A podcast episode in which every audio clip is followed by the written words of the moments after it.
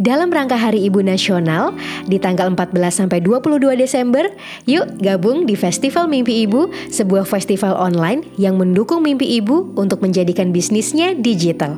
Akan ada serangkaian webinar, Instagram Live, virtual bazaar, dan masih banyak kegiatan seru lainnya. Jangan lupa beli tiketnya di fempi.ibupunyamimpi.org. Hai Ibupreneur, selamat datang di Mimpi Ibu Podcast bersama aku Marisa Paramita dan Fatia Arta. Fatia, apa kabar? Hai Ca, kabarnya hari ini lagi agak terkaget sih karena tadi bangun tidur pagi-pagi baca WhatsApp ternyata ada meeting dadakan jadi langsung buyar deh tuh semua rencana hari ini mau ngapain. Biasanya tuh kalau pagi ada rutinitasnya, santai dulu sedikit sambil bangunin Alarik, nyiapin dia buat ke daycare, terus nemenin sarapan dan sebagainya. Tapi karena ada meeting mendadak ini, langsung semua urutan kegiatan berantakan. Langsung bangun cepat-cepat bangun ini jadi agak buru-buru gitu kan uh, hawanya. Walaupun akhirnya kembali lagi sesuai dengan uh, yang direncanakan, tapi ternyata pagi hari tuh menentukan banget mood bahkan sama kesiapan kita untuk menjalani hari itu. Jadi hari ini agak tergesa-gesa modenya jadinya. Lo gimana?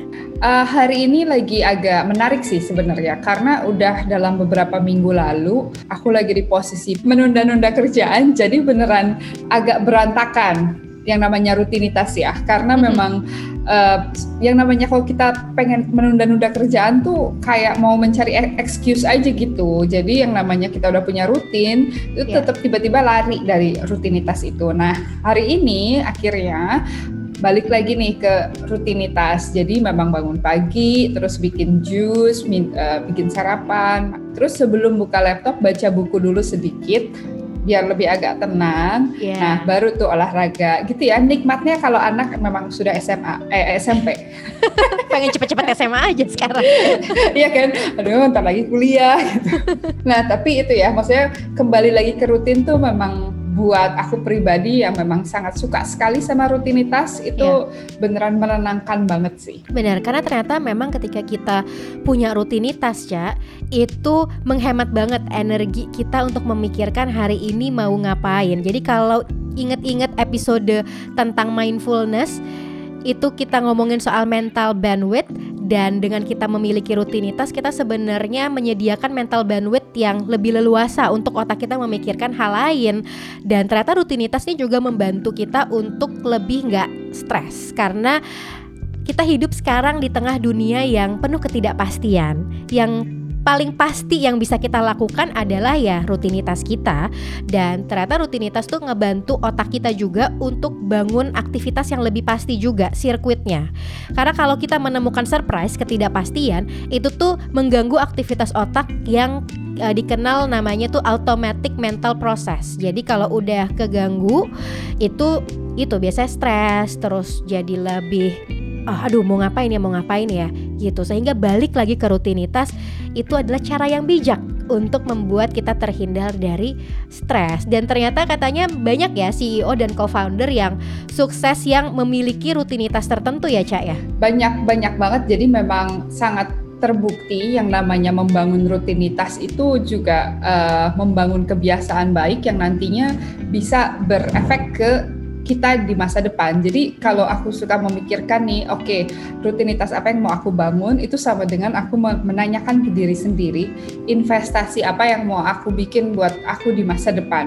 Jadi karena yang namanya tadi Fatia cerita, yang namanya rutinitas tuh beneran akhirnya apa ya otomatis aja semuanya sudah berjalan gitu. Jadi memang dilatih otak tuh untuk melakukan kegiatan berulang kali sampai akhirnya kita merasa nyaman dengan kegiatan tersebut. Ini terjadi juga untuk CEO CEO atau co-founder co-founder yang memang perusahaannya udah gede-gede banget kayak uh, eh, CEO kesayangan aku Jack Dorsey ini mm-hmm. adalah CEO-nya Stripe dan Twitter. Kalau dia itu memang sudah terbangun banget yang namanya rutinitas dan memang dia mempraktekkan berbagai uh, gaya hidup yang memang sangat spesifik sekali. Salah satunya tuh olahraga untuk dia tuh 7 menit gitu. Jadi setiap pagi dia selalu olahraga sama 7 menit. Habis itu dia meditasi. Terkadang dia mandi pakai air dingin biar kepalanya lebih segar dan bahkan di setiap harinya itu dia suka ada kegiatan yang berbeda-beda. Kayak misalnya dia Senin dia bakal jalan nih ke kantor, nanti Selasa dia kerja di rumah. Jadi memang semua kegiatan uh, dia sehari-hari itu sudah ada rutinitasnya. Karena yang namanya ya dia ya co-foundernya Twitter dan dia megang Stripe juga gitu. Jadi kebayang nggak sih rasa stresnya tuh kayak apa setiap hari gitu. Nah iya, kalau dia tidak melakukan rutinitas seperti itu menurut gue sih dia bakalan bisa stres banget mikir kayak hari ini minum kopi apa ya gitu. Itu kan satu bandwidth yang nggak ber, berguna ya untuk dia gitu.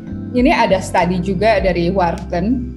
Jadi kalau misalnya kita bangun paginya itu uh, calm atau tenang yeah. atau serin atau lebih bahagia atau lebih joy itu biasanya ya di dalam hari itu bakalan kita merasa seperti itu. Jadi kalau misalnya bangun pagi kita udah ngerasa marah, udah ngerasa kaget, coba dibikin normal dulu, dibikin Bener. dari nol dulu, dibikin relax dulu sampai akhirnya kita bisa merasa oke okay, yuk jalani hari ini dengan lebih tenang dan lebih rileks. Jadi sebenarnya rutinitas ini adalah usaha kita untuk punya kendali atas hidup kita ya, atas hari-hari kita ya, Cak ya. Tadi juga yang menarik uh, dari ceritanya Mas Jack Dorsey, biar kenal, biar akrab. Iya, biar akrab. Mas Jack aja kalau gitu. Mas Jack itu walaupun setiap hari dia punya rutinitas, tapi ada kegiatan yang berbeda ini mungkin yang perlu di highlight juga cak karena kalau kita ngomongin rutinitas banyak uh, orang yang langsung kayak ih kaku banget hidupnya.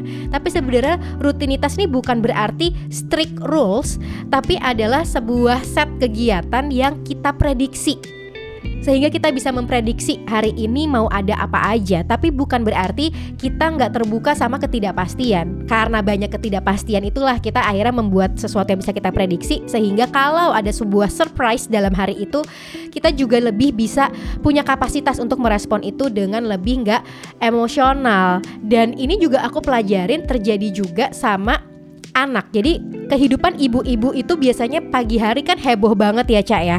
Sarapan apa apa apa apa gitu semuanya terjadi dalam pagi hari gitu. Baru tenang biasanya kalau anak udah sekolah. Aku belajar banget bahwa kalau dimulai harinya dengan tenang, ngebangunin anaknya juga tenang, ada jam dia bangun, terus sebelum dia bangun biasanya kita udah ngeplan hari kita apa, udah diskusi juga sama suami siapa yang take in charge, itu lebih calming sih paginya dan itu ngefek juga ke anak kita. Ke Alarik tuh biasanya juga bangunnya lebih nggak cranky. Dia lebih tahu apa yang akan dia expect. Ya itu ternyata uh, kita tidak berevolusi sebegitu besarnya ya dari anak kecil ke orang dewasa. Kalau uh, aku inget banget zaman Cila masih kecil tuh kalau dari pagi misalnya udah rewel dibangunin mm -hmm. pas dia bangun udah tuh bye selamat selamat dadah harinya gitu pasti udah langsung rewel nggak mau sekolah nggak mau apa pasti ada aja alasan pulang sekolah tas dibanting dan segala macam gitu dan ternyata kita sebagai orang dewasa ya yang kita anggap kita ini dewasa sama aja ya kalau bangun paginya rasanya tuh eh uh, gitu banget gak suka gitu pagi ini tuh kayak ada yang aneh, ada yang ganjel. Itu malah ke depan-depannya juga sama ya. Kita bakal jadi kayak alarik lagi ya. Benar. Jadi kalau udah cranky pagi-pagi tunggu tunggu tunggu aku emaknya Alarik bukan Alarik. Jadi harus lebih punya kesadaran bener. untuk ngebalikin hari lagi dan take in charge lagi sama harinya. Iya benar, tapi memang ada satu studi nih yang bilang kalau misalnya bangun kita orang yang biasa bangun pagi itu dia akan lebih produktif di, okay. di dalam kerjaan kantor dan uh, dia juga uh, chance-nya untuk kena depre depresi, anxiety itu lebih atau overweight itu lebih rendah dibanding orang-orang yang bangunnya siang.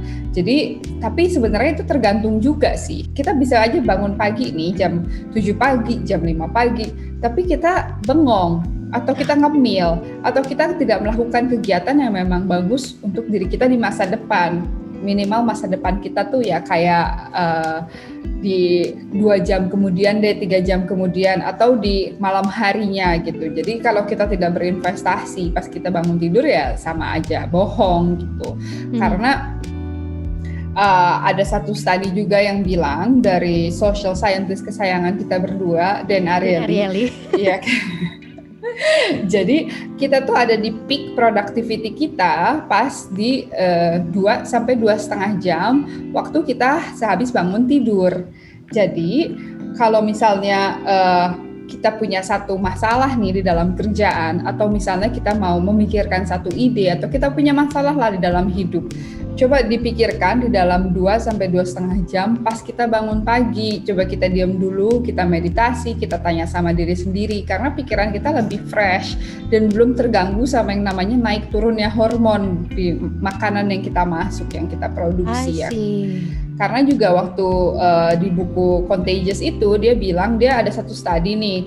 Ketika orang itu habis olahraga atau ada satu adrenalin rush yang dia terjadi di tubuhnya uh, cara dia mengambil keputusan pun juga sudah terganggu tuh. Karena memang udah ada endorfin naik kan lebih iya. bahagia gitu. Jadi kita ngambil keputusan pada saat kita terlalu bahagia juga nggak bagus. Jadi kita harus mendesain nih apa pun yang mau kita lakukan kalau kita lagi stres coba di dalam 2 sampai dua setengah jam habis bangun tidur itu kita kasih tuh satu windownya satu ruang di mana kita mau memikirkan masalah yang memang lagi terjadi sama kita. Itu bagus sih untuk dimasukkan ke dalam rutinitas yang mau kita bangun.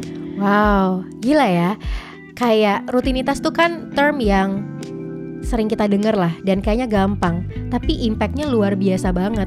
Sampai gimana kita mendesain hari kita untuk nggak terjebak sama aktivitas dalam tubuh kan? Kapan kita uh, produktif untuk bekerja, kapan sebenarnya kita udah mulai ngantuk, kapan kita harus istirahat dan sebagainya itu adalah bergantung dengan rutinitas yang kita terapkan. Dan aku suka banget sama poinnya Ica. Rutinitas itu adalah bagian dari kita investasi masa depan kita. Karena apa yang kita lakukan hari ini dan kita lakukan setiap hari itu akan membentuk kita di masa depan. Bahkan masa depannya tuh bukan berarti 10 tahun ke depan, bisa jadi besok, bahkan bisa jadi 5 jam ke depan, 2 jam ke depan. Sehingga ngeset rutinitas itu penting. Kalau selama ini Ca yang Ica lakukan untuk ngeset rutinitas step by step itu kayak gimana? Uh, dari beberapa tahun lalu tuh aku nonton uh, The Iron Lady Margaret yeah. Thatcher. Uh, dia suka banget Iya sama kan, terharu banget. Jadi, lu banyak bintang tamu yang kita sebut ya, walaupun tak kenal. Jadi dia sempat bilang, uh, what your thought for they become words, what your words for they become action, what your actions for they become habits, what your habits for they become character, what your character for it becomes your destiny. Nah, gara-gara kata-kata itu tuh jadi itu entah kenapa nempel banget ya di aku sampai aku berpikiran oke okay, rutinitas itu berarti bisa menjadi destiny aku yes. karena dari habits ya kan bisa dari habits itu nanti bisa jadi destiny aku ke depannya jadi uh, kalau aku mau bikin satu rencana untuk rutinitas itu selalu aku mau berpikir narasi apa yang mau aku bikin untuk aku di kemudian hari jadi panjang ya sebenarnya rutinitas itu bukan kegiatan berulang aja kalau ya. sebenarnya kita bisa melihat itu lebih panjang lagi. Jadi misalnya aku mau bikin oke okay, aku mau banget menjadi orang yang suka baca misalnya. Sesimpel itu ya. Jadi rutinitas yang mau aku bikin ya harus ada membaca buku di dalam situ gitu. Nanti sehabis aku tahu narasi apa yang mau aku bikin dari rutinitas tersebut, aku langsung uh, ditulis lagi tuh step by stepnya beneran yang kayak pseudocode. Jadi yang kalau di podcast episode sebelumnya aku cerita apa itu pseudocode itu kalau misalnya uh, website developer atau software engineer dia mau bikin website step by step user journey-nya tuh ditulis sama halnya seperti itu tapi untuk rutinitas misalnya bangun pagi uh, jam 6 bohong banget jam 6 aku bangun. Maaf ya pencitraan sedikit. Jadi bangun pagi, abis itu ngapain? Misalnya ke toilet, abis ke toilet, abis itu cuci muka, pasang kontak lens, abis itu bikin jus, bikin sarapan, olahraga, baca buku, semua ditulis yang sangat detail gitu, minutes to minutes. Kenapa? Karena memang uh, kita mau bikin, kita mau bikin tahu sebenarnya kadang-kadang kita suka merasa 24 jam itu waktunya tidak cukup untuk kita melakukan beberapa yeah, hal. True. Itu ibu-ibu itu aku uh, dapatnya pelajaran di kelasnya Fatia, jadi bisa ditonton di sertifikasi ibu trainer. Jadi sebenarnya bisa ditulis tuh kita sehari tuh ngapain aja. Dan, jadi kalau kita tahu kita ngapain aja, kita bisa mengalokasikan waktunya dengan baik dan benar gitu. Dan yang terpenting, yang ketiga dan paling terpenting bagi aku itu adalah bikin environment yang sangat mendukung. Mm -hmm. Jadi pastiin semua uh, situasi di, di rumah, anak, pasangan semua itu mendukung dengan uh, apa narasi yang kita mau capai dari rutinitas ini sendiri gitu. Dari Fatih ada tambahan mungkin dari step by stepnya sebagai guru uh, time management. Paling tambahannya dibuat environment tadi, Cak. Karena kan ketika menjadi ibu itu kita juga jadi manajer rutinitasnya anak dan bahkan suami. Jadi ada kolaborasi rutinitas berarti sehingga biasanya bisa start dari uh, bagian yang paling sulit untuk dikendalikan, rutinitasnya anak. Kapan dia makan, kapan dia tidur dan sebagainya. Karena ini rutinitas nih kunci juga untuk regulasi emosi anak. Menghindari anak tantrum itu salah satunya adalah dengan membuat rutinitas. Karena kebayang banget kalau siang-siang uh, biasanya nih uh, tantrum terjadi di siang hari sama di malam hari itu sebetulnya karena dia udah terlalu capek bisa jadi udah terlalu overwhelmed dan dengan kita ngeset rutinitas kita jadi udah bisa memperkirakan nih ibu-ibu kapan sebenarnya anak nih mulai capek dan kita bisa melakukan kegiatan yang dia harapkan sebelum dia tantrum. Jadi misalnya, oke okay, udah kita persiapkan tidur dulu sebelum dia udah terlalu capek. Udah kita siapin makan dulu sebelum dia bener-bener nangis minta lapar. Jadi memang kita buat nih rutinitas anak. Kemudian kita komunikasikan juga karena kita lagi kerja di rumah ya sama pasangan. Rutinitas pasangan, ekspektasinya seperti apa, baru tuh kita bisa mulai mengemas narasinya kita dalam hari itu apa aja, bagian mana yang kita bisa selipin kegiatan kita, bagian mana yang nggak bisa diganggu gugat, bagian mana yang sebenarnya kita butuh delegasiin, bagian mana yang kita terbuka untuk ketidakpastian. Jadi oh yang bagian sini nih kalau nanti uh, misalnya susah tidur dia nggak mau tidur siang, oke okay, berarti kerjaan yang ini bisa aku pindahin ke yang mana. Jadi memang bikin rutinitas ketika menjadi ibu tuh eh, memang agak tricky tapi bukan berarti nggak bisa bisa dimulai dari step by step dari hal-hal kecil dulu rutinitas rutinitas sederhana sehingga kita mulai merasa mampu nih untuk bisa mengendalikan hari kita bagus banget sih itu masukannya karena kalau untuk Fatia uh, anak uh, yang biasanya tantrum siang sama malam. Kalau di aku tuh diri aku sendiri sih. Uh, udah malam suka ada tantrum. Mark juga suka nanya, kenapa ya? Kalau malam-malam jam segini kamu suka marah-marah gitu. Nah mungkin jawabannya itu ya udah ngantuk. Udah terlalu capek. uh, uh, saatnya tidurnya berarti dimajuin tuh cak jam tidurnya. Ah, oke okay, oke okay, benar kalau begitu. Oke, okay, terima kasih untuk masukannya. untuk masalah tantrum ini aku akan catat untuk masukkan ke rutinitas. Benar. Sudah ngantuk gitu. Siang-siang juga biasanya habis makan siang uh, marah-marah, enggak marah sih, kesel-kesel gitu loh. Mungkin uh -uh. Uh, harus bobok siang juga ya. Udah saatnya ya. Ini oh, udah, udah balik saatnya. lagi ke usia-usia di mana membutuhkan Aduh. tidur siang. aduh, benar-benar, aduh, oke okay, kalau begitu, ibu-ibu semangat untuk membangun rutinitasnya karena tadi Fatia bilang pasti bisa untuk membangun semua uh, rutinitas. Sampai ketemu di podcast minggu depan. Ya ibu.